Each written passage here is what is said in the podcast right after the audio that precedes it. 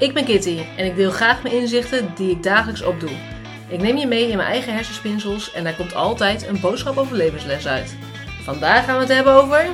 Vastzittende bekken.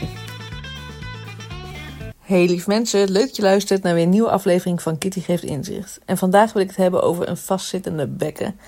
En dat is iets dat ik zelf nu heb ervaren tijdens de uh, zwangerschap.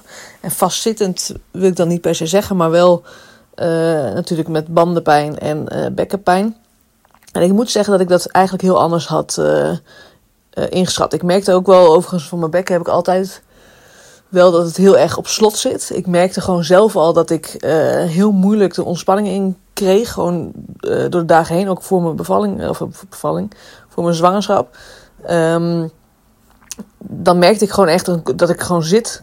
En dat je gewoon voelt van, staat helemaal gespannen. En dat ik echt heel bewust de hele tijd moest proberen het los te laten. Dat dit een beetje probeerde te ontspannen. En zelfs dat was heel lastig.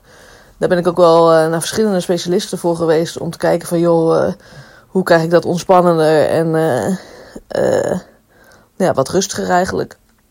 Want het is natuurlijk niet goed om de hele tijd de spanning daarop te zetten. En nu merk ik ook gewoon met de zwangerschap van, oh, bekkenpijn kan eigenlijk, kun je klachten hebben waarvan ik niet had gedacht dat dat per se dan vanwege de bekken is.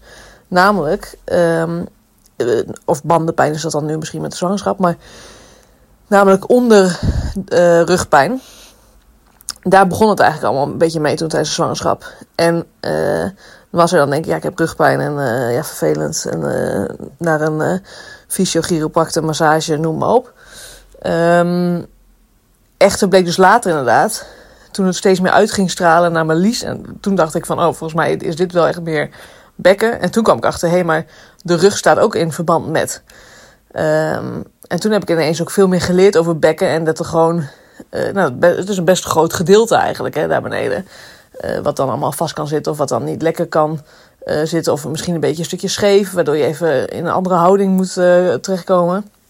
Nou, ik had geen idee wat ik ermee moest tijdens mijn zwangerschap. En ook daarvoor eigenlijk was ik ook zoekende nog. Echter he heeft mij dus momenteel de bekkenfysio en ook zeker de chiropractor die daarvoor gespecialiseerd is, ontzettend geholpen. Wel dat ik daar nog steeds nu ben. Maar goed, er komt natuurlijk ook. Mijn lichaam is nu groeiende en in beweging. Dus dat, dat brengt ook iedere keer weer andere dingen met zich mee. Um, maar ik vind het zeker een aanrader als jij merkt dat je lage rugpijn hebt. Of dat je misschien in je lies wat last hebt. Of dat je als je gewoon zit nu. En je tunt even in bij je bekken. Van joh, zit die echt verkrampt? Of heb ik die gewoon lekker. Voelt allemaal los daar bij mijn uh, kontgebied. En uh, uh, nou goed, gewoon daaronder met die spieren. En als het een beetje verkrampt voelt of een beetje alsof je toch vast aan het zetten bent, dan zou ik zeker adviseren om daar nou ja, iets mee te doen en daar ontspanning in te vinden. En dat kan echt op verschillende manieren. De ene keer kan wel echt met ademhaling bijvoorbeeld al heel veel helpen. Um, de andere keer is het misschien toch nodig om even naar een fysio of naar een chiropractor te gaan. Uh, kijk ook vooral op geefinzicht.nl voor een expert misschien die jou kan helpen. En mocht er geen expert zijn in de buurt die jou daar kan helpen, laat mij het dan weten. Dan ga ik voor jou helpen zoeken. laat er in ieder geval zeker naar kijken als je er last van hebt. Want het is heel vervelend en het kan op een gegeven moment steeds meer uitstralen en zijn weg gaan vinden, waardoor het andere stukken van je bekken ook gaat belasten. En dan wordt het wel steeds minder plezant, om het zo maar te zeggen. Mocht je deze aflevering nou interessant vinden, deel dat dan gerust op Instagram. Uh, dat kan in een post of dat kan in een story. Tag Kitty geeft inzicht. En wie weet help jij daarmee wel weer andere mensen met een mooi inzicht.